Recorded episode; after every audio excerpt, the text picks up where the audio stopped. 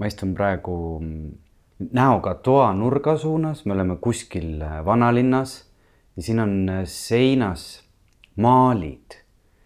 siin on ähm, üks tumeroheline punaste ja valgete lilledega pilt, mis on üsna selline realistlik. siis on äh, üks natukene kubistlikuma alatooniga pilt ja, ja siis veel üks, üks selline pilt seinas, mis peaks ka meenutama minu meelest lilli, aga need pigem koosnevad nagu ruutudest ja, ja see on kuidagi selline väga ilus asi minu jaoks sattuda mingitesse kohtadesse, kus on seinas maalid, need nagu hakkavad jutustama mingisuguseid lugusid. aga lisaks maalidele on täna minuga siin ka loomulikult Elina, tere Elina. tere Elina istub siin diivani peal ja, ja kes Elina kõrval on, sellest räägib Elina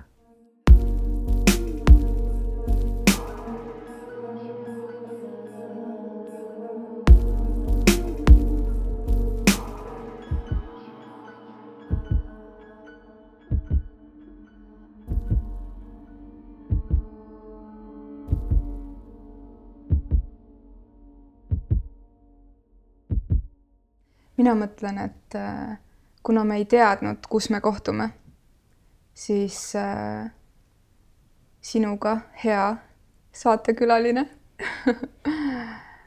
võikski kohtuda täpselt sellises kohas, nii et see kõik, äh, kogu see kristallühtri all olev äh, skulptuuride ja maalide ja raamatute ja pärsia vaipade kooslus ja lillelise diivani peal sina, Eija, uus, äh, kõlabki väga-väga loogiliselt. tere.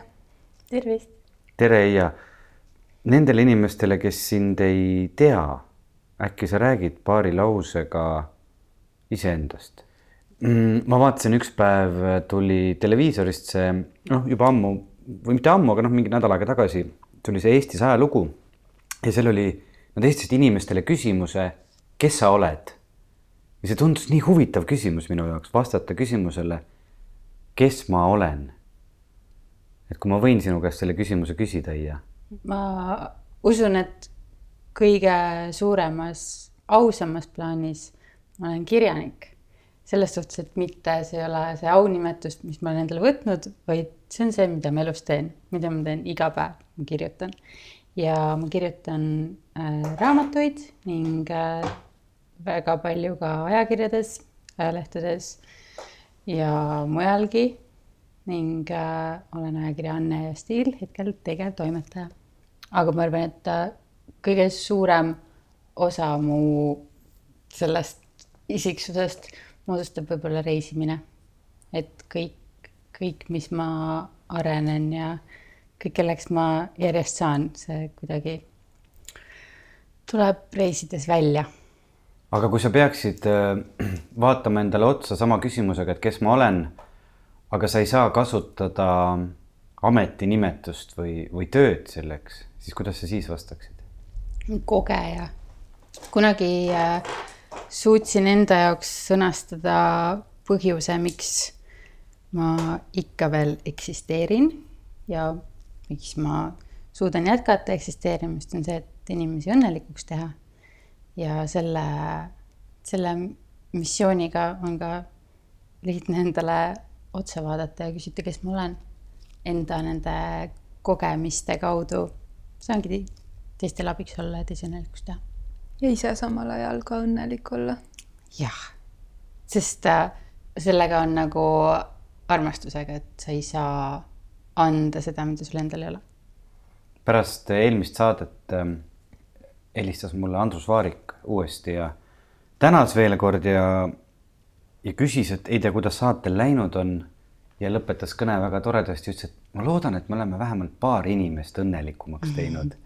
et ma usun, et äh, meie tänane eesmärk siin ongi istuda omavahel, rääkida, üksteist natukene õnnelikumaks teha ja ka teisi inimesi õnnelikumaks teha. kas sa, Elina, tahad alustada selle trademark küsimusega või? ja mul ei olnud plaanis sellega alustada täna, aga mm -hmm kuna sa panid mu sellesse olukorda, siis ma hea meelega alustan. nii et. aga me, selles mõttes, et see kõik on ka välja monteeritav aga ärme monteeri ja nüüd, nüüd siis head kuulajad, see on nüüd see koht, mida me tahtsime välja monteerida, aga me ei monteeri seda just, välja. jääb sisse. ausus eelkõige. just. et. kuna meil ei ole enam raha, et monteerijale maksta, et siis te võite, eks ole, minna Patreoni ja hakata meid toetama seal. siis võib-olla järgmises saates saame need lõigud välja võtta. kas nüüd on minu kord edasi minna?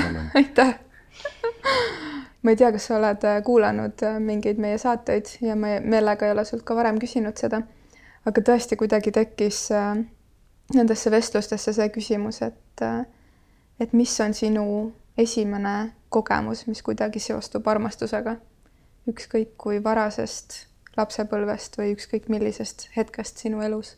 ma arvan, et täitsa, täitsa lapse, tähendab lasteaiast, et, et millegipärast noh, kui, kui ma täna sellele mõtlen, siis loomulikult see ema armastus ja isa armastus, nii vara ja vanaema ja, ja nii edasi, aga, aga ma arvan, et nagu siis ei osanud seda veel selle nimega nimetada, sest vanemate armastus tundus enesestmõistetav. aga mäletan nagu neid lasteaia siukseid kolmeaastasi armumisi, mis tundusid nii tähtsad ja nii kuidagi sümpaatsed kas kolmeaastane selles mõttes, et kolme aasta pikkune või? kui sa olid kolmeaastane. issand, ma kadestan, ma kadestan inim-, ma kadestan inimesi, kellel on mälupildid sellest, kui nad on kolmeaastased. ma ütlen, minu mälu algab kuskil üheksandast eluaastast, siis on mul seal neli mälestust ja siin sellega see piirdub ka, aga, aga ahah Veiko kadestas Kolm... ka minu mälestust lasteaiast, kus mul oli äh, kaks poissi, kes mulle mõlemad meeldisid ja ma kes mõlemad äh, tekitasid minus selle tunde, et, et kummaga ma peaksin abielluma, kas sul, kas sul on meeles ka mingi seik? ja meil olid äh, lasteaias olid äh, õues olid äh, rehvid, mingid traktorirehvid või suured autorehvid olid pandud niimoodi maa sisse järjest, et nendest sai üle kitse hüpata ja siis äh,, aga siis meie kasutasime neid äh, hobustena mängudes ähm,. mis siis tähendas, et me midagi mängisime ja oli vaja ruttu hobuse peale joosta, siis alati läks niimoodi, et mingi poiss istus kaksi ratsi sinna ette ja siis mingi tüdruk istus tal selja taha ja võttis tal ümber kinni ja siis kapati niimoodi koos kuhugi. ja siis seal alati selle esimese hobuse peal oli üks poiss ja üks tüdruk. Ja siis, ja siis ma olin seal teise hobuse peal selle mingi poisi selja taga, aga tegelikult mulle meeldis see poiss, kes oli seal esimese tüüpiline. See alfa kas, kas, kas sellises vanuses juba on ka lastel need hierarhiad ja ei, ma mõtlen see, et kuskil on sihuke prints valgel hobusel, et see hobustega ja meestega ühe kappamine, et see on nagu selline lapsepõlve-unistus juba varasest pealt või ma ei tea. või võib-olla see unistus on lihtsalt see, et oleks õige hobuse peal õige õige kaaslasega. aga kolmeaastasena, issand, ma olen endiselt üllatunud sellest, et ah, ma siin kolmeaastasena siin juba, mul siin need armastused, need. mida sellises vanuses või kuidas, kas sa mäletad kuidagi, et mismoodi see teema üldse sinu jaoks oli või mismoodi sa seda sõnastasid või mismoodi see sind kõnetas või? Vot, vot ei teagi, ma just lugesin äh, eile kusagilt, et, äh, et äh, näiteks Norras algab seksuaalkasvatus neljandast eluaastast. et lasteaias on seksuaalkasvatuse tunnid sellepärast, et lapsed selles vanuses hakkavad küsima, kust beebid tulevad ja nii edasi. ja ma mõtlen ka, et tegelikult, kui sa nagu ümberringi kogu aeg näed seda, et on, et on elatakse korterites kolme kaupa või nelja kaupa ja nii edasi, et, et siis ma arvan, et nagu lapsed hakkavad väga noorelt seda kõike järgi tegema.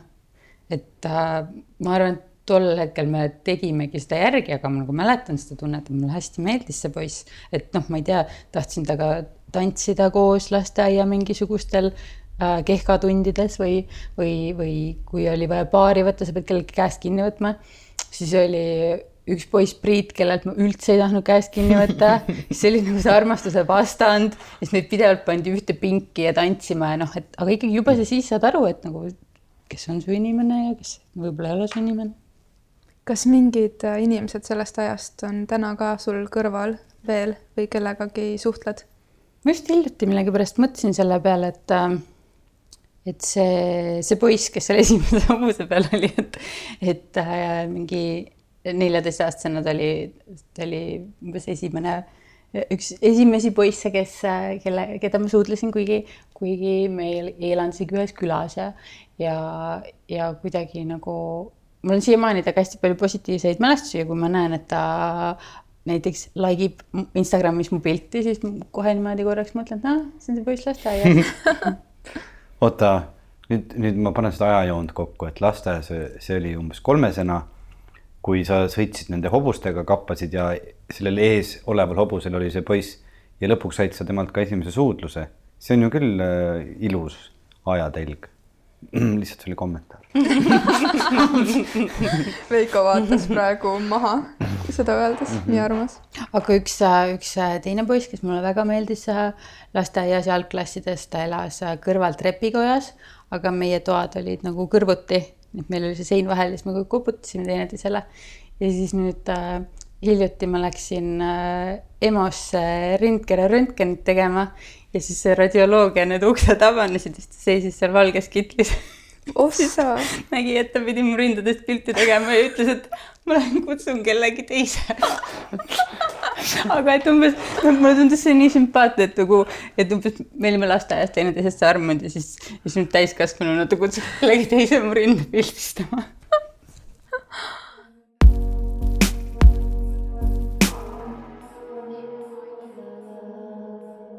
Seesama küsimus, et kes sa oled, kui ma teen naisteringe, ükskõik kas teetseremooniaid või laagreid, siis äh, mul meeldib küsida, et äh, et ütle, kes sa praegu oled või kes mm -hmm. sa mhm. täna oled, võib-olla sa otsustasid siia diivanile tulla hoopis kellegi sellena mm. -hmm. et äh, ja see on vist ka mingi selline alibi, mis me naistena üksteisele anname, et äh, et ole see, kes sa oled selles hetkes, et ma võtan su sellisena vastu. sest ma just äh, paar nädalat tagasi kodus ütlesin, et oli niimoodi õhtu, hakkasin magama jääma, hästi hilja oli ka nii, nii väsinud. ja siis mulle tundus hästi tähtis öelda, et kuule, aga, aga lepime kokku, et, et kui aeg läheb edasi, et lähevad aastad ja lähevad kümnendid ja nii, et me alati peame meeles ja tuletame teineteisele meelde, et kõik muutub. et inimesed meie ümber muutuvad, meie sõbrad muutuvad inimestena, meie vanemad muutuvad inimestena ja et nii mina kui mu kaaslane, mõlemad muutume inimestena ja me peame seda teineteisele lubama ja ja meeles pidama teineteise kohta, sest et eriti kuidagi ongi see, et, et kui see inimene on sul iga päev kogu aeg kõrval, siis täpselt samamoodi sul mingi hetk jääb kuidagi meelde see, milline ta oli kümme aastat tagasi. et sa unustad ära, et see inimene su kõrval ju areneb iga päev ja need suured hüpped, mis sina isiksusena teed, et tal on ka need hüpped ja siis, kui aeg-ajalt tuleb kuidagi teha jälle siukseid puudutushetki, et et kuhu kumbki on oma elufilosoofias arenenud ja mingitel hetkedel, kus mõlemad kogevad hästi palju ja loevad hästi palju ja vaatavad hästi palju dokke ja, ja suhtlevad hästi paljude inimestega, et siis tuleb neid puudutustunde teha hästi tihti. et nagu võib-olla mingi kord nädalas on vaja istuda neli tundi ja lihtsalt rääkida, mis sa arvad maailmast ja hingest? Aga see on nüüd hästi suur teemavahetus ja hästi raske küsimus, aga kuna meie taskuhääling räägib armastusest, siis ähm, mis sinu jaoks on armastus, Eija, kas oskad seda kuidagi kirjeldada, sõnastada? ma arvan, et, äh, et vaata, mida vanemaks sa saad, seda rohkem sa saad aru, et tegelikult sa ei tea mitte millestki mitte midagi ja kõik need kategoorilised arvamused, mis sul on viis aastat tagasi või kui sa olid kakskümmend, et tegelikult nendest miski ei, ei päde. et äh, ma nüüd aina enam märkan seda, kuidas võib-olla nagu, mis ma olen arvanud, et on armastus, et noh, et ikkagi, ikkagi sa teed äh, tööd kellegi nimel, ma ei räägi ainult paarisuhtest ja, ja te aitate teineteist ja jagate hellust ja õrnust ja eluvisiooni ja annate nõu ja olete olemas. et siis nüüd saades vanemaks, ma näen armastust võib-olla rohkemates kohtades, kui ma varem oleks arvanud. et see tekib kuidagi lihtsamini. see võib tekkida pilgust, paarist lausest, paarist puudutusest ja see ei pea olema ka nagu selline asi, mis sul on elukestvalt olemas. et tõesti, see võib olla nii, et, et sa kohtud mingisuguse võõra inimesega, te räägite kolm tundi juttu ja juba sa tead, et see on armastus mina mm, mäletan ka seda, et kui ma olin kaheksateist, siis ma olin veendunud, et ma tean, et ma tean kõike, ma tean kõikidele maailma küsimustele vastust. ja mäletan, ma olin just, siin pesitseme siin Tavakunstikooli lähedal hetkel tänava salvestusega ja et ma olin just saanud kooli sisse ja üks vanem, ma ei mäleta, kas ta oli siis tudeng või oli ta kolleeg või, või kuskilt teatrist keegi sattusime temaga rääkima ja ma nagu imestasin selle üle, et, et ta nagu üritas kahtluse alla panna seda, et äh, minu teadmisi. ma olen täiesti veendunud, et siin on ju, kõik on siin täiesti selge, et armastus on see, see on see ja see on see. ja nüüd on äh, tõesti, mida, mida vanemaks kuidagi saad, seda mõnes mõttes nagu laialivalguvamaks läheb see armastuse mõiste minu jaoks, et ta muutub hoomamatumaks. variante tuleb juurde. variante tuleb juurde ja, aga samas olen ma sinuga nõus, et, et neid hetki, millesse armuda või olukordi, kus natuke aega armastada, kuidagi neid on, mitte neid ei ole rohkem, vaid sa märkad või oskad neid siis kuidagi võtta ja, ja hinnata ja leida üles seda armastust meie ümber. kas sul on äh, lähiajast mingi lugu, kus, äh, kus sa said aru, et tegemist oli armastusega? jaa, ma just käisin äh Äh, eelmine nädal äh, reisil Ameerikas ja sattusin väga kummalistel asjaoludel äh, Wisconsinis svingtantsu meistrivõistlustele ja kuna ma olen mina, siis päeval, kus ma käisin ratsutamas, mägi ronimas ja tätoveeringut tegemas, panin ma ennast ka kirja svingtantsu meistrivõistlustele ja siis ähm, seal oli üks äh, hästi pikk, hästi kõhn, hästi auku vajunud silmadega, halli vuntsiga härra, kes äh, tuli meie seltskonnaga mitu korda riidlema. Et ei tohiks siin olla ja et teil mingi seda ei tohi pildistada ja, ja siis teised kõik läksid ära.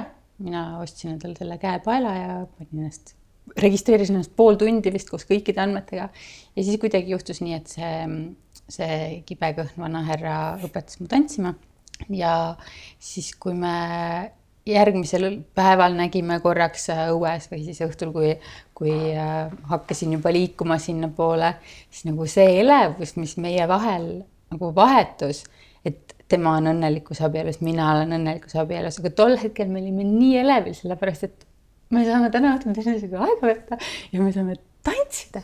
ja siis, ja siis, kui me tantsisime, siis, siis ka see oli nagu nii-nii tore, et inimestel on mingisugune nelikümmend aastat vanusevahet, nendel ei ole teineteisega nagu mingi soovi, ma ei tea, mida teha, koos ära joosta või midagi, aga lihtsalt mõlemad nii tohutult naudivad seda ja, ja me ütlesime tal tantsimise ajal teineteisele nagu nii palju ilusaid asju ja siis me saime minna äh, hommikul kell pool kaks äh, hommikust sööma, sest tantsijad vajavad hästi palju energiat, siis me sõime nagu peekonit ja muna ja arbuusi hommikul kell pool kaks ja rääkisime nagu kõikvõimalikest asjadest, noh, tõesti võõra inimesega ongi see, et, et sest rääkida asjadest, millest sa ei saa rääkida võib-olla lähimate sõpradega või perega. Ja, ja no see oligi, see oli nii ilus ja nii jagatud et ühel hetkel ma lihtsalt pidin ütlema hea tööd, sest mulle tundus, et, et kui me jätkame seda vestlust, siis ei saa enam nii hea olla, et ma tahan jääda igaveseks selle imelise tundega, mis sellest oli. vot see on see, mida paljud inimesed kardavad, ma arvan, et anda elul võimalust ennast natukene mingites hetkedes õnnelikuks teha. ma arvan küll. Ma arvan, et inimesed kardavad seda või no ütleme sedasama, et see on, tegelikult on see ju julgus minna võõra inimesega tantsima, teades, et sul on endal kaaslane näiteks olemas. ja no ma, mi, mi, mina, kui sinu lugu kõrvalt kuuldes ütleks inimestele, et minge palun tantsima, pange ennast sinna svingi kirja, käige kell pool kaks öösel seda peekonit söömas, arbuusi, rääkige kõigest, mis pähe tuleb ja, ja siis sõitke koju. see on ju nii no tervendav, võluv, ilus. kas selline spontaansus on sinu juures tavaline?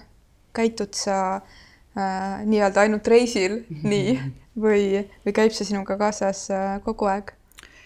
Ehm, see vist pigem käib jah, kogu aeg, aga ma ei tea, kuidas, kuidas mu elukaaslane muga, muga nagu on suutnud kõik need aastad sammu pidada ja, ja nii suure armastuse ja, ja hellusega mind hoida.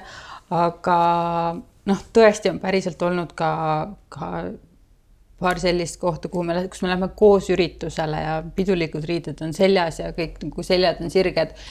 ja ma lähen käsi pesema ja siis ma tulen nagu kaks tundi hiljem sinna peolauda ja ja kaaslane on lihtsalt istunud kaks tundi nagu tühja koha kõrval. et, et, et ma tõesti võib-olla vahel liiga, liiga satun huvituma sellest kõigest, mis maailmas on. elust. elust. minu, minu meelest kõlab väga tervislikult ma olen, ma olen see inimene ise, kes läheb äh, õhtul pool kaksteist prügiämbrit välja viima ja siis jään ära kaheksa pooleks tunniks, sest et ma lihtsalt äh, kõnnin ja kuidagi hingan seda öist linnaõhku mm -hmm. ja vaatan inimesi ja ma isegi ei saa kellegagi kokku. Äh, ma isegi ei pruugi helistada kellelegi, aga ma kuidagi võtan selle päeva kokku või midagi sellist ja, ja kui ma siis tuppa lähen ja küsitakse, et, kus ma olin, siis, siis me käisime prügiämbrit välja viimas et äh, mind ka kuidagi see elu väga huvitab ja minu meelest seesama, mida Veiko just äh, ütles, et see on täpselt seesama, millest me oleme juba paar korda rääkinud, et vastutus äh,, vastutus iseenda elu eest või otsuste eest, et mina, mina otsustan, et mul on oluline täna tantsida selle härraga. Või et mina otsustan, et, äh, et minu prügitiir mis muidu oleks kaks minutit on kaks tundi, sest et see on mulle vajalik ja ja, ja kõik teised on äh, hoitud ja, ja okeid mm. -hmm. ja need, ja need tihtipeale ju ongi, või noh, alati vist ongi, isegi pole vist, need on alati valiku küsimus, et äh, mulle väga-väga meeldib varakult voodis olla iga õhtu ja raamatut lugeda. ja pigem olen introvertne inimene, et mul on raske minna kohta, kus on palju inimesi ja tihti ma pean ennast sundima, et minna toast välja, sest mul on üksinda raamatuga pargis lihtsalt nii hea olla. aga noh, võib-olla, võib-olla see ongi, et need perioodid vahet, vahelduvad, et, et millal sa leiad seda tugevust ja heaolu üksi olemisest, mõtlemisest, ma ei tea, vaatab pilvi päriselt. Äh, ja, ja millal tõesti sa tunned, et mingisugune vägi tirib sind välja ja inimestega suhtlema. aga raamatud kas raamatud on sinu armastus? no ma sellel aastal tegin endale lubaduse vähem lugeda see on küll esimene inimene, keda ma kuulen, kes lubab niipidi. kõik lubavad tavaliselt teistpidi. noh, eelmisel aastal oli suur, suur kaotus, et äh, jäin väga-väga lähedasest armsast äh, sõbrast ilma. mina jäin ilma mitte, et ta lahkus meie seast ja nagu kõik jäid ilma, aga mina jäin ilma aga, aga noh, see, see pani nagu tutvuskonnas kõiki märkama seda, et äh, kui palju sul on iga päev seda valikukohta, et kas sa oled koos inimestega, keda sa armastad, kellest sa hoolid äh, või sa oled näiteks tööl, teed tööasju, teenid raha äh, või noh, ajad taga mingisugust unistust või oled ära reisil ja nii edasi, nii edasi, nii edasi, et nagu iga päev, iga hetk sul on nii-nii palju erinevaid valikuid. aga jah, et siis siis selle tunde pealt, mis siis oli, nii tugevalt sai veelgi enam selgemaks, et äh, tuleb veeta hetki tõesti nendega, kellega sa tahad neid hetki veeta. et ma, ma ei usu, et ma nüüd lähedastega rohkem aega veedan kui enne, aga ma proovin mitte ennast kulutada inimestele, kellega ma siiralt ei taha koos olla ja, ja tundsin ka, et kuni ma olen selles maailmas, siis ma ikkagi võiksin vähem olla lihtsalt paberil kinni. et, et, et, et loomulikult ma olen kõige esimene inimene, kes igal pool ütleb, et lugege raamatuid, lugege raamatuid, aga, aga siis mingil hetkel ma sain aru, et, et mina tegelikult peaksin vähem raamatuid lugema ja rohkem, rohkem olema inimestega koos. nii äge on see, sest et kui ma küsisin äh, seda küsimust siis ma vist eeldasin, et sa vastad kohe, et jah, ma armastan äh, raamatuid ja sa ei teinud seda. nii et ma praegu vaatan kõrvalt et äh, sa justkui rääkisid ühest suhtest, mis on äh, kuidagi väga muutunud ja ma lihtsalt olen väga üllatunud selle vastuse peale, päriselt.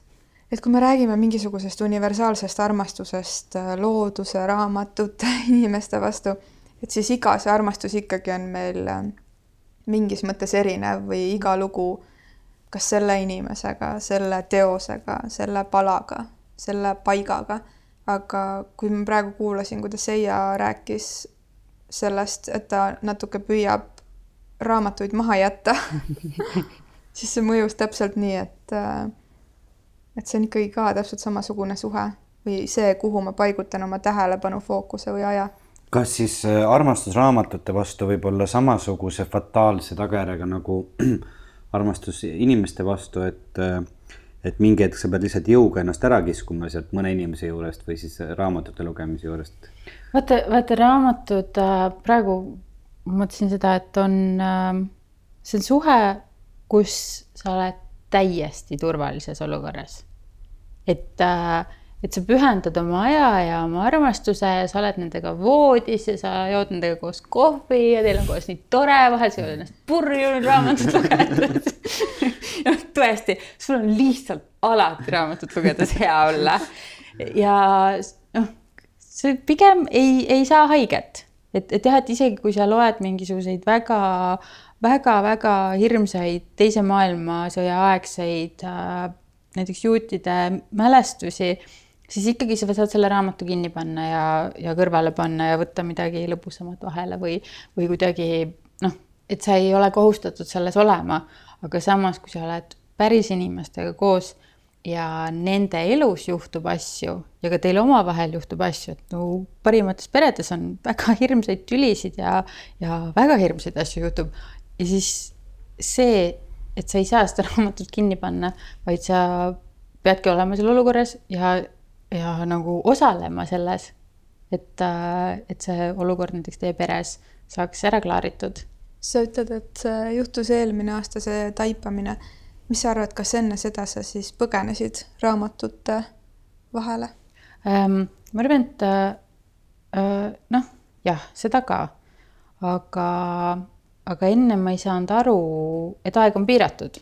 mulle tundus nii tähtis äh, ennast harida ja ennast arendada, noh, loova inimesena, et ma ikkagi loen, mida, mida teised mu eeskujud kirjutavad ja õpin nendelt tehnikaid ja nii edasi, et, et see lugemine tundus, tundus kõige tähtsam investeering oma, ma ei tea, tuleviku edusse või mis iganes. ja siis ühel hetkel sain aru, et inimesed kaovad ära aga kõiki maailma raamatuid me ikkagi loetud ei saa.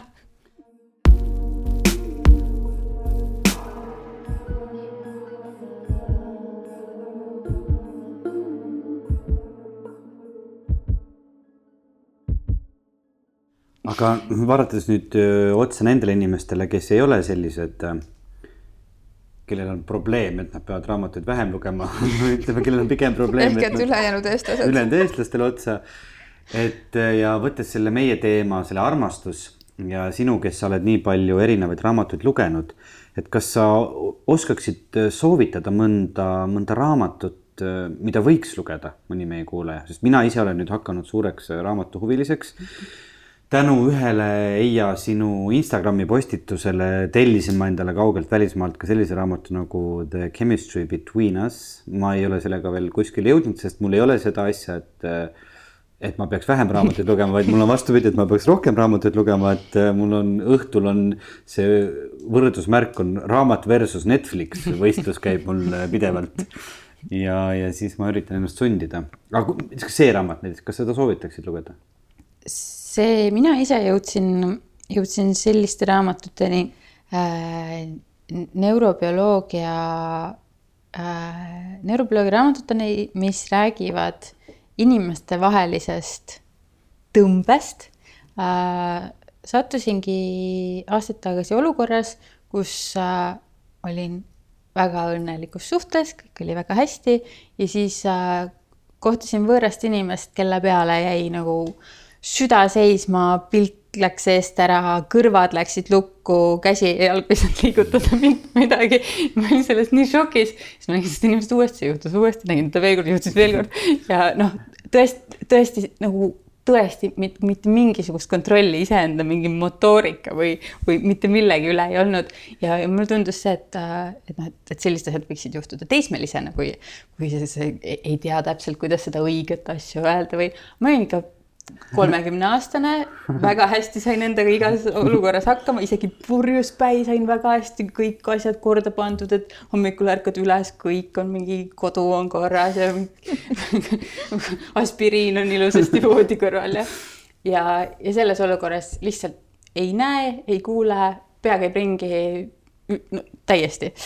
ja siis hakkasin uurima, et mis minuga juhtus ehk et, et võib-olla kui inimesele, kes, kes varem ei ole üldse tundnud huvi selliste teemade vastu, seal raamatus on äh, natukene selliseid väga rajusid äh, teaduslauseid, kus ongi nagu need inglise keeles kõik need ajuosised ära nimetatud ja mis retseptorid sul võtavad, mis hormonaalsignaale vastu ja nii edasi.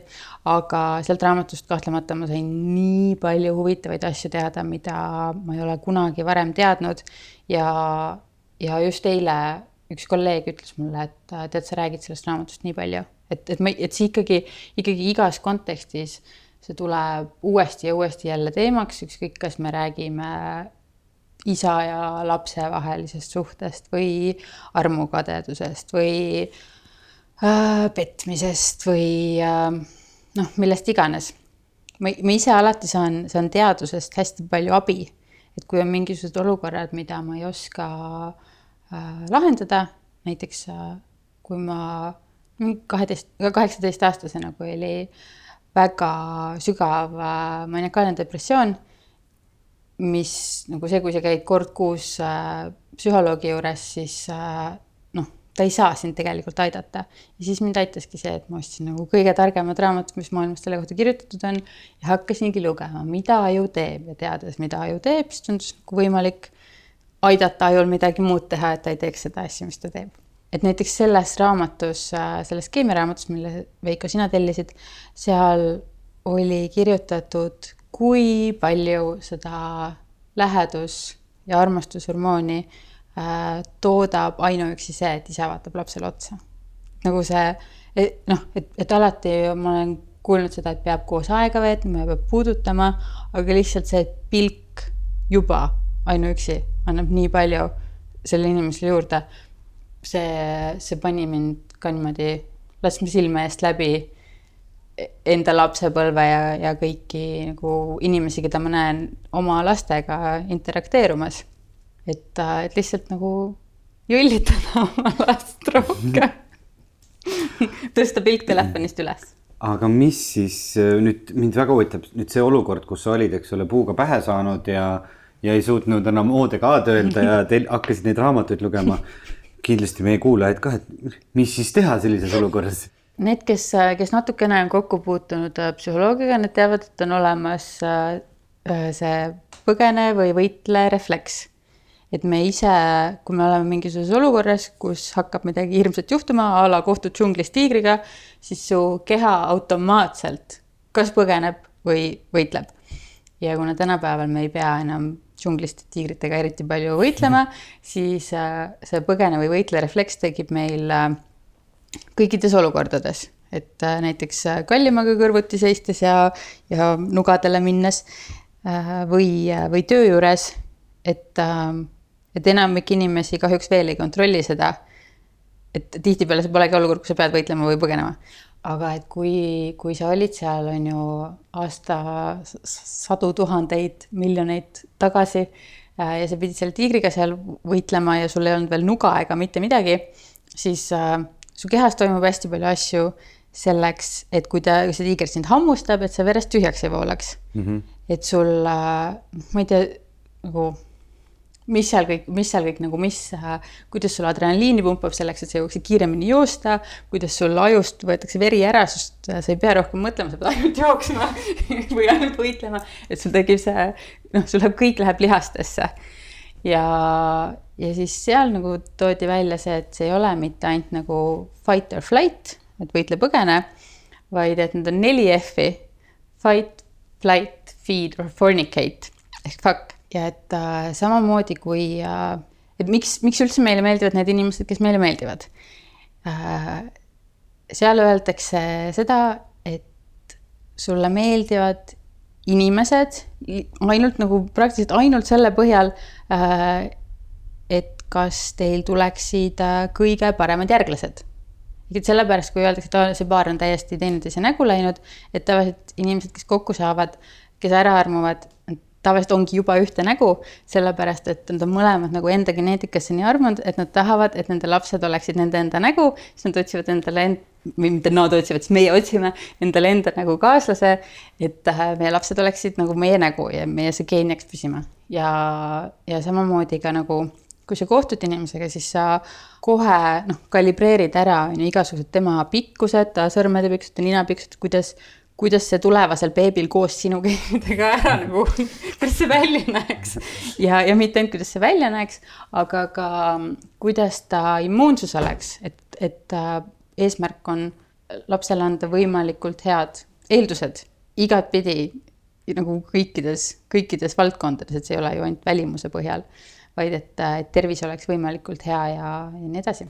Nii, ja siis, kui sa kohtad sellist inimest, kes, äh, kes su selle aju kalibreerimise järgi on täpselt, täpselt õige pikkusega, täpselt õige selle äh, immuunsüsteemi, selle kemikaaliga ja nii edasi, siis äh, võibki juhtuda see, et sul läheb, adrenaliin läheb niimoodi aiu, et, et sa ei suuda enam mitte midagi öelda, sest su keha arvab, et kuule, siin on kui ekstreemolukord. aga siis peaks ju selles teisel inimesel täpselt samal ajal sama asi juhtuma. vot ja siis sellepärast ma ei piirdunud ühe raamatuga, vaid ma olen lugenud mingisugune kakskümmend raamatut ja ma pole siiani sellele küsimusele vastust leidnud, see on see, millele ma otsin vastust. ma olen seda guugeldanud ma olen päriselt, kui te otsite mu Google'i history, siis seal on nagu hästi palju erinevalt sõnastatud küsimusi, et aga kui mulle keegi meeldib niimoodi, kas siis seda, see, vot sellele küsimusele tahaksid, ma arvan, mitte ainult Eija vastust saada, vaid väga paljud teised inimesed ka. sest kui sa noh, niimoodi seletad, ma saan küll mõistuslikult aru ja et okei okay,, et see on siis niisugune süsteem meil looduse poolt tehtud, et aju andis praegu sada punkti sellele inimesele, et nagu let's go. aga teine inimese aju andis mingi neli punkti, et mis siis saab? sest, sest mulle tundub võimatu, et, et tõesti, kui, kui siis nagu niimoodi ära kammid, et siis teine nagu midagi ei tunne see on või. kas sa oled saanud sellelt inimeselt küsida seda? ei isegi minul on piirid aga see on huvitav, see on tõesti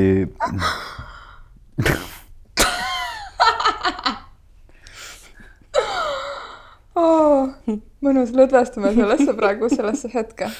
kuulajad saavad ka meiega korraks pausi pidada ja mõelda nende veidrate hetkede peale, kus keegi on vastu planku kõndinud või, või pööranud tänavale, mida pole olemas.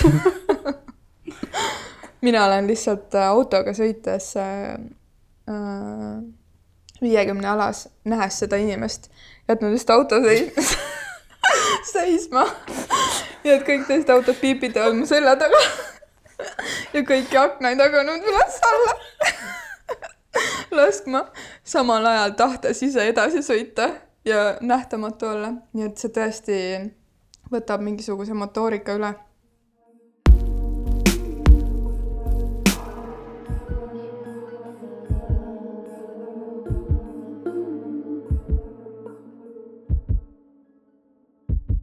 nii et ähm, sellist ühte raamatut, mis meile annaks kõiki vastuseid sellele küsimusele, selgub siiski ei ole.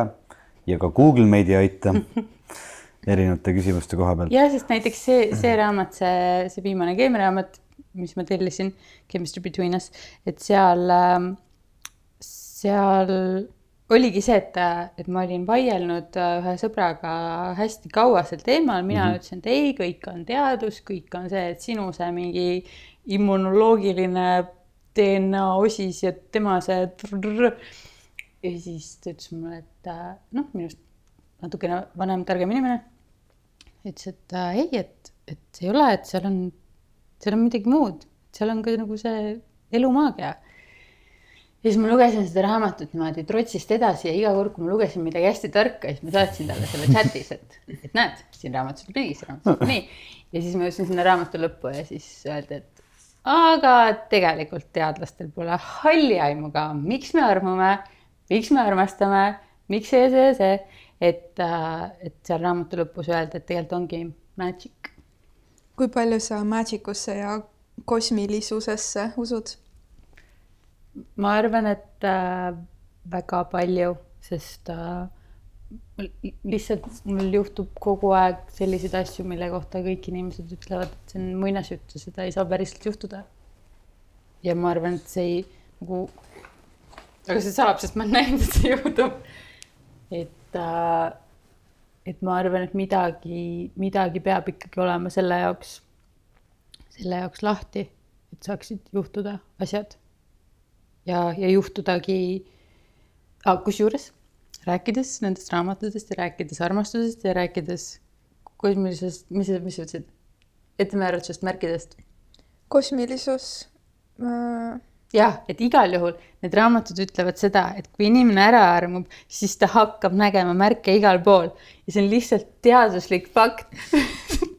Need märgid võivad olla, neid ei pruugi olla, aga ka kõige ratsionaalsem inimene hakkab nägema märke, et äh, ja siis ma lugesin just äh, just ühte teist raamatut, Ester Perelli raamatut Afääridest. Ja, ja seal ta ka, seal ta rääkis nendest märkidest hoopis teistmoodi, et, et need on nagu need, mida inimesed oma suhet pettes kasutavad kuulikindla ettekäändena en-, iseendale. nagu, et, et aga ma ei tee ju midagi valesti, sellepärast et see ja see ja see, see on kõik ju, see on, see kõik, see kõik nagu, et justkui noh, see ongi niimoodi mingisugune ime, mis nagu juhtub ja kõik on nagu nii õige, sest kuidas see saab olla vale, kui see on nii õige? aga see ongi see, et me ise loome oma elu, on ju, mhm. ja see, see, selle, millesse me usume. Mis selle reisimisega on? et, et kui sa pidid äh, meie palvel enda kohta midagi ütlema, siis see reisimine tuli sinna väga tugevalt sisse või sa tundsid, et see on miski, miski, mis on äh, lugesin sinuga just, koos? lugesin just ühest raamatust et, et, äh, et on olemas äh, petmise geen ehk et umbes nagu äh, praegu arutatakse seda, et kas siis, kui sa lähed suhtesse, kas siis peaks nagu kohe tegema geeniproovi, et saada teada, kas see inimene petab sind hiljem. ja no, ma usun, et paarisaja aasta pärast see on nii. paarisaja muidugi. paarikümne. oi appi, vaesed meie lapsed. nii, ja siis lugesin edasi sellest geenist aga siis nagu pärast tuli välja, et, et noh, et see ei ole otseselt petmise geen, vaid see on ähm, huvitatuse geen. Et äh,, et see, see petmise geen on tavaliselt äh, nendel inimestel, kellel meeldib õudselt reisida kellel meeldib äh,, kes on huvitatud igasugust uuest infost, uuest mingisugust avastustest, tehnoloogiast noh, kellel on nagu hästi suur Arengust. ja, ja ja siis noh, tegelikult vaata see, kuidas nagu välja mõõdetakse seda, et kas sul on petmise geen ja sul on igasugused muud asjad, ongi ju tegelikult see küsimustikuga, et, et võetakse sul see mingisugune sada inimest, küsitakse, kas sa oled petnud, siis nendest viiskümmend kolm protsenti vastab, et jah, olen küll.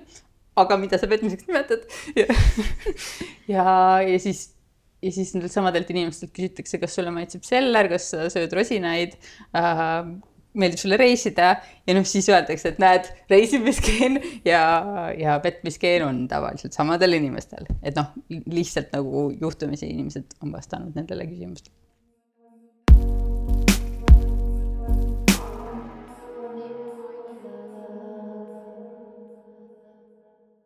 aga ma tahtsin korraks selle petmise juurde tagasi tulla, et, et minu meelest see on ka selline kommunikatsioon või nagu kokkulepped, on ju, et ükskõik millisesse suhtesse me astume, kas see on töösuhe, sõprussuhe, et, et mida seal tähendavad mingisugused asjad või, või kas me oleme nagu vähemalt sellel hetkel, kui me paati astume ühel leheküljel, et need just need kokkulepped ja täpselt seesama, millega me alustasime, kus Eija rääkis, et et tuleb neid checkpoint'e teha mingi aja tagant, et jälle aru saada, et kas me saame ikka mm -hmm. nii aru või me saame mõlemad uutmoodi aru ja äkki need uutmoodi arusaamised jälle kuidagi kattuvad või, või mil määral need kattuvad. et see on jah, mingi selline seesama kommunikatsioon ja mingis mõttes seesama, miks me seda saadet teeme, kuna me Veikoga ikkagi väga armastame vestlusi ja meil on tunne, et, et vestlemine kuidagi avab mingisuguseid maailmu ja, ja need vestlused, mis vähemalt selle, selle podcast'i kaudu helilainetena inimesteni jõuavad, võivad ka kuidagi äkki avada või kaasa mõtlema panna neid inimesi, kes muidu vestelda ei taha. Mm.. sest mis mind, mis mind seal selles Ester Perelli raamatus üllatas, oli ka see, et et ise mõtlen, et vaata, olen siin sihuke boheemlane hingelt ja, ja hästi avatud suhtumisega kõigesse, aga seda raamatut lugedes sain aru, et näed, jälle ma tegelikult ei tea mitte millestki mitte midagi ja tegelikult mu silmapiir on nagu täpselt nii kitsas, kui, kui ma siit aknast välja näen.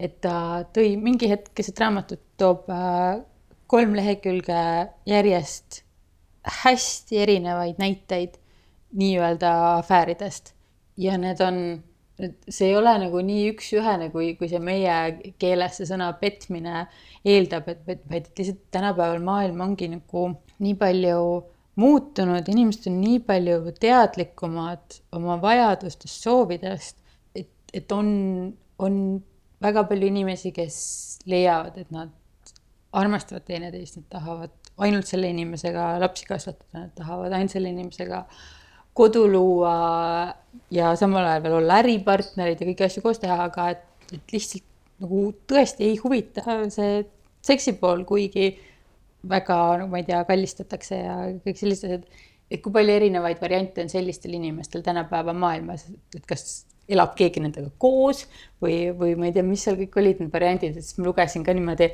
noh, nagu siukse süütu idabloki lapse pilguga seda lääne ühiskonna liberaalsust. et on, on asju, mida, mida veel ette ei kujuta ja mis, mis on paljude jaoks juba ammu normaalsus. Rääkides nendest raamatutest, et mis on veel mingid raamatud, mida sa julgeksid soovitada just armastusest? enne kui, enne kui ma tulin siia, siis ma itsitasin, et kümme aastat tagasi mina, kakskümmend aastat tagasi mina ei ole nagu, kui sa oleks mulle siis öelnud, et ma tulen mingisse saatesse rääkima armastusest, siis mingi kolm aastat tagasi mina oleks ka su peal välja naernud, et mitte mingil juhul mina ei usu armastusse, see on ainult mingi. Äh, ma olin kaheteistaastasena olin sihuke väga, väga kibestunud armastuse teemal, et äh, tõesti lubasin, lubasin, et ma ei armasta kunagi, sest ma nägin, kui palju haiget see tegi lähedastele pereliikmetele ja, ja, ja noh, ka need esimesed mingi äh, põhikooli suhted, mis olid nii dramaatilised ja nii. ja, ja noh, et kuidagi, kuidagi mul käis see hästi või noh, üldse ma olin lapsena sihuke väike vanainimene, et, et ma saan iga aastaga saan aina nooremaks ja nooremaks. et, et praegu praegu on minust tohutu lapselik rõõm, mis on nagu aina kasvanud viimase kümne aastaga, et ma olen praegu palju lapsem, kui ma olin lapsena. Mis on nii tore nii tänulik endale selle eest. Ma lasen seal olla. aga jah, et, et võib-olla, võib-olla seetõttu ka, et ma olen proovinud alati sellest teemast mitte mõelda ja sellega mitte tegeleda, et siis ma ei olegi sellest eriti lugenud rohkem kui, kui need mõned raamatud nüüd. Ja, ja nooremana ka nagu kirjanduse mõttes ma olin selline hästi äh,, hästi sihuke, kõik hästi tume olema, hästi groteskne, et nagu lihtsalt nagu raamatud, kus armastus võidab maailma, nagu kus, kus mäletan, kui ma panin raamatuid käest ära, kui see oli õnnelik lõpp, ma olin nii vihane selle autori peale, ta solkis ära nagu jumala hea raamatu sellega, et ja lõpuks nad jooksevad teineteise kätesse, ilma et keegi traagiliselt hukkuks või ära, ära heidaks kedagi. aga, aga jah, see esimene raamat, mis ma toona lugesin, kui mul see puuga pähe saamise mure oli, siis äh, selle nimi oli äh, This is your brain on sex. ja no see ei olnud nagu, ei rääkinud seksist äh, ainult, aga et see oli võib-olla natukene lihtsam kui see Chemistry between us ja ka väga-väga-väga huvitav. mulle tundubki, et kui, kui inimestel on, kui nagu vähegi huvitab see, et et miks ma niimoodi tunnen või miks ma niimoodi ei tunne.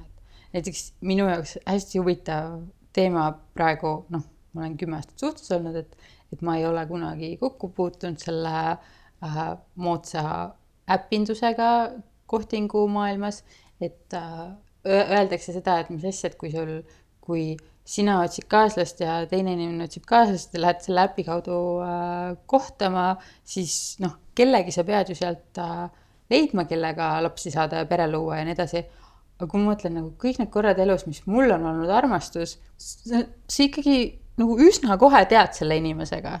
ikkagi enamikel juhtudel on, on, on see, on see kohe selge ja, sa ei, ma ei kujuta ette, et tead, aga et, et kui me kauem kohtamas käime, äkki siis tekib see suur armastus ja äkki siis nagu äkitselt me oleme, saame teineteise hingesugulaseks. see on lihtsalt võimalik, aga.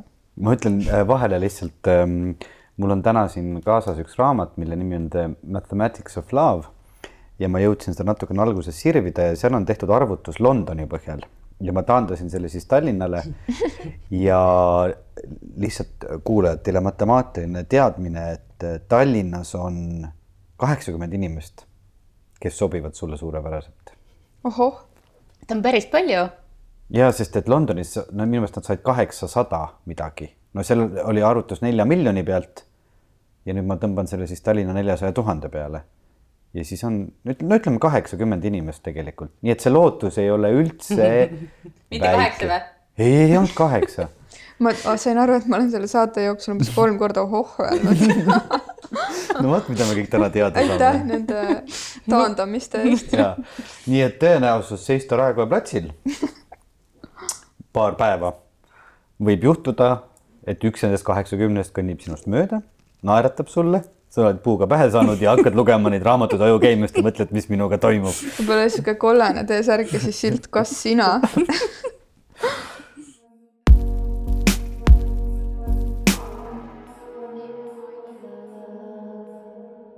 Kas nüüd sa armastad õnneliku lõpuga lugusid? Või noh, armastamine on raske, aga noh, ütle mina väiksena, mina jällegi ei sallinud, kui lugu lõppes niimoodi ära, ma olin kohe ja, ja siis veel filme vaadates ma vahel niimoodi, et kui, kui seal nagu lõppu otseselt ei olnudki, siis ma olin veel eriti pahur. tööd ei oska ka teha inimesed, kirjanikud, eks ole, räägivad pika loo ära ja siis jääb mingi sinna lõppu, et miks? I need answers, give me answers. mina näiteks tahaksin kõikidelt enda raamatutelt mingi viimased viis lehekülge ära välja rebida kõikidel eksemplaridel. mul on kirjutajana nii halb harjumus teha täpselt seda, et lugeja peab ikkagi teadma, mis seal lõpus juhtus ja, ja siis kirjutan selle lõpu ära ja siis tagantjärele mõtlen, et nagu, et aga, aga elus sa ei tea kunagi, kuidas asjad lõpevad. elus sa oled alati lihtsalt mingis hetkes mm, -hmm. sa ei tea, mis edasi saab et kuidas saab raamat ära lõppeda mingisuguse loogilise mingi lipsuga nagu mingi hull šlepp on lõpus aga ma olen, ma olen sinuga natukene nõus selles mõttes, et ma iga kord, mul on vahel kihk niimoodi, kui ma raamatut loen, siis mul on, mul hakkab sees mingi sisemine ma ei tea, keegi, kes tahab, et ta vaataks selle viimase lehe ära ja siis ma võitlen nendega, et ära vaata, ära vaata, ära vaata, sest et see lõpp on ju kõige tähtsam. ja siis ma olen selle lõpul, olen selle lõpul, mis see siis nii? ja rääkides järjekordselt sellest filmist, mul on tunne, millest me hakkamegi iga osa rääkima, Call me by your name on ju kirjutatud ühe romaani järele, järgi, vabandust yeah., on kirjutatud ühe romaani järgi. vot siin on hea koht kuulajatele meelde tuletada, vaadake õssist järgi. kuidas sa niipidi vea tegid praegu grammatilise, tavaliselt inimesed teevad teistpidi vea, kui on vaja öelda järele, siis, siis ütlevad nagu järgi. see on selle peale nagu mina, kes ma, kes on, see on mu, see on mu elu teemades praegu top kolmes, eks ole. grammatika. jah, armastus, siis järgi järele ja, ja siis on veel mingi asi, et need on need minu kolm, kolm põhilist äh, asja praegu, mis ma tahan inimkonnale nagu selgeks teha. kolmas on mingi pasta carbonara ilmselt. absoluutselt. nii et äh, selle, selle filmi, see film on kirjutatud selle romaani järgi ja mina ei ole romaani lugenud, ma võtsin selle endale e-raamatuna nüüd, noh, see on klassikaline mina, et kõik mul on, kõik need raamatud tulevad niimoodi ja siis nad on mul seal. ja siis ma nüüd ootan seda hetke, millal lugeda. aga ma lugesin selle kokkuvõtte läbi ja seal on ähm, ka lõpp tegelikult veel lisaks sellele, mis seal filmis on ja ma lugesin selle ähm, raamatu lõpukokkuvõtte läbi ja mõtlesin, näed, kui hea, et filmi seda lõppu ei pandud, sest see on umbes see, et mis on kahekümne aasta pärast ja mis siis nagu juhtus ja nii ja naa. kogu selle pika jutu mõte võib-olla oligi praegu see, et ma tahtsin ka öelda, et nüüd mul juba natukene meeldib, kui ma, kui nad ei ole lõpus õnnelikud, vaid et, et ongi elu ja lihtsalt üks hetk ma enam ei ole nende elus ja ei tea, mis sealt edasi sai. tead, Veiko, nii palju, kui ma nüüd siin natuke olen tundma õppinud, siis ma tegelikult arvan, et sa ei mõtle nii, et, et sulle ei meeldigi, et ei ole õnnelik lõpp, vaid sul on lihtsalt see tunne, et, et ta on mingi lõpp, aga ta võib olla ka nii õnnelik kui ükskõik milline. ja, ja, ja, ja. sest et ma no. võib-olla, ma ei mäleta enam, mis ma siin täpselt ütlesin, ma olin nii elevil, sellepärast et ma ütlesin järgi ja järele valesti ja mul järgmised kümme minutit aga on uskumatu, et me jah, jälle sellest filmist räägime, et selle filmi Call me by your name lõpp on ikkagi üks kõige, kõige ägedamaid filmilõppe, mis ma ka olen viimaste aastate jooksul näinud, nii et võib-olla siis lepimegi kokku, et hakkame igas saates natuke ka sellest filmist natuke rääkima. võiks sellest rääkida ja mina isegi mõtlen, et kui on meie kuulajaid, kes ei ole seda filmi näinud, siis äh, isegi võib-olla ei tasu seda kuskilt arvutist endale niimoodi tõmmata või kuskilt DVD-d osta, et äkki, äkki me suudame siin lähima poole aasta jooksul, kui me oleme iga osa sellest rääkinud, mõne kinoga kokkuleppe saavutada ja seda uuesti seal ekraani peal mingi eriseanss teha ja vaadata koos siis ja. või siis me, kui me ei saa sellist kokkulepet, siis me võime vaadata ise kodus arvutist ja samal ajal saadet kommenteerida me saame teha selle armas. ta tuleb, ta tuleb. nii, uksevaanis. see on äh, Call me by your name armastusest podcast'i saatejuhtide director's cut või teeme see nagu commentary on sinu taust, aga me oleme täitsa ära unustanud, et meil on Eija ka siin. ei ole üldse ära unustanud. ta tegi juba filmi hääli ju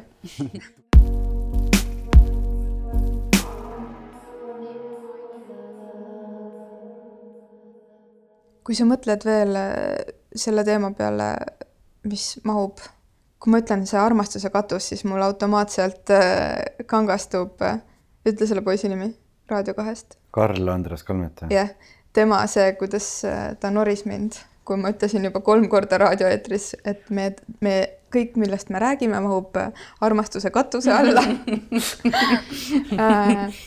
et kui sa mõtled, mis mahub selle armastuse katuse alla, siis, siis mis on sinu mingisugused viimase aja õppetunnid või kuidagi taipamised või, või tahaksid sa nõu anda kellelegi mm,? just, äh, just viimasel ajal on, on hästi kuidagi aktuaalseks saanud äh, väga paljude erinevate inimestega rääkides, et äh, kes on, kes on vallaline, kes on lahkumineku äärel, kes on, ma ei tea, pikas abielus. nii lihtne on süüdistada kedagi teist ja nii lihtne on, on, ma ei tea, igapäevaselt näägutada või, või taga rääkida või öelda, et näed, kui te, kui ainult tema teeks kõike paremini, siis oleks mul palju parem või kui kõik need mehed, kellega ma olen kohtumas käinud või kõik need naised, kellega ma olen suhtes olnud, et kui kõik nad ei oleks olnud sellised, ma ei tea, mõrrad ja nõmedikud ja saamatud ja nii edasi, nii edasi, nii edasi. et, et noh, et siis oleks kõik, kõik lilleline. et nagu nii, mind hämmastab see, kui paljud inimesed ei saa aru, et ise peab ka midagi tegema, et ise peab kasvama, ise peab armastama, ise peab andma, et, äh, et näiteks empaatia on minu jaoks selline asi, mida, mida suhtes nagu on alati liiga vähe. et äh, mõlemapoolselt tunnen, et ma peaksin veel, veel, veel rohkem püüdma näha olukordi oma kaaslase vaatepunktist. et, et lihtsalt meil on ju sisse kõigisse kodeeritud näha asju enda vaatepunktist ja, ja kusjuures raamatust lugesin, et äh, täiesti inimlik sissekirjutatus on see, et äh, iga inimene usub, et tal on õigus. ja, ja lihtsalt sellest hetkest, kui ma seda lugesin, siis ma olen proovinud endale kogu aeg meelde tuletada, et ka mingis kõige hullemas äh, tülis, kus ma olen täiesti veendunud, et mul on õigus ja tema eksib ja kui ta ainult ütleks, et ta eksib ja mul on õigus, siis me saaksime kõik rahulikult mingi kallistada ja koju minna et, äh, et lihtsalt endale meelde tuletada, et see, et ma arvan, et mul on õigus, see nagu aju ütleb, et sul on õigus, sa oled nii tark. et, äh, et ma suudaksin läbi selle nagu aru saada, et minu õigus, minu tõde ei ole alati see õige tõde. ja, ja ka see, et, äh, et ma arvan, et me kõik väga tihti unustame, et inimesed, kellega me suhtleme, on noh, nendes kõigis on ju kogu aeg see väike laps on nendes on meiega suhtluses. et ma ise, ise ütlen küll, et aa jaa, ma olen nagu hingelt nii nagu lapsemeelne ja, ja suhtlen kuidagi selle viieaastase Eiaga ja, ja kuidagi tunnen, kui pinna all ta on, aga samas kõik teised tunduvad mulle hästi täiskasvanud. et ma kogu aeg unustan, et teistel inimestel on ka see väike haavunud laps sees, kellel on äh, kõik need, kõik need väikesed äh,, väikesed pinnud igal pool naha all lasteaiamängudest ja keskkoolimängudest ja esimesest abielust ja millest kõigest jäänud, et, et äh, ma võib-olla äh, soovitaksin inimestel rohkem proovida end kellegi teise asemele panna ja, ja rohkem nagu avatud meelega vaadata enda igapäevane suhtlemine üle. ja üks asi veel, mis ähm, mulle meelde jäi sinu tänasest jutust, oli, oli see, see, see teine minu meelest väga oluline teema, et et leida endale, on siis kord nädalas või kord kuus see aeg, et kui sa viid ennast oma partneriga samale lainele, et taas äh, saate aru, kus te olete oma arenguteel ja kes on kuhu poole muutnud, et ma usun, et see on ka väga tähtis. sest, sest vahel ju see, see muutus ka toimub, toimub tõesti noh, väga suur muutus võib toimuda ühe õhtuga. et näiteks äh, kaaslane loeb läbi mingi raamatu, mida sa ei ole lugenud ja siis nagu kohe on nii suured käärid ja kohe nagu järgmisest päevast ei, ei, väga raske ühele leheküljele jõuda. et mõnikord tuleb seda teha nagu tihedamini. või näiteks, kui, kui kellelgi tekib uus hobi, olgu see uus hobi siis nagu mingi kolmanda silma avanemine või siis näiteks noh, lihtsalt päevapealt hakkab nii hullult motosport meeldima, et nagu midagi enam teha ei saa. et siis on, siis on vaja nagu kohe natukene seletada, et, et, et kuidas see on, mis tunne see on ja mida sa vajad oma kaaslaselt. ja tagi osta kaaslasele ka ja mina võtan ka võtan ka selle mõtte kaasa täna, kui ma siit äh, kõnnin koju, et, äh, et neid kontrollpunkte teha. ja minu meelest kõik need vestlused ongi sellepärast ka olulised, et minu sõbrad on kuulnud seda väga-väga palju, aga miks ma pean ka oluliseks sõnastada oma mõtteid või, või kui keegi küsib mult küsimusi ja mina vastan talle, et siis kõik need asjad, mis mu suust välja tulevad mul on endal vaja ka neid kõva häälega kuulda.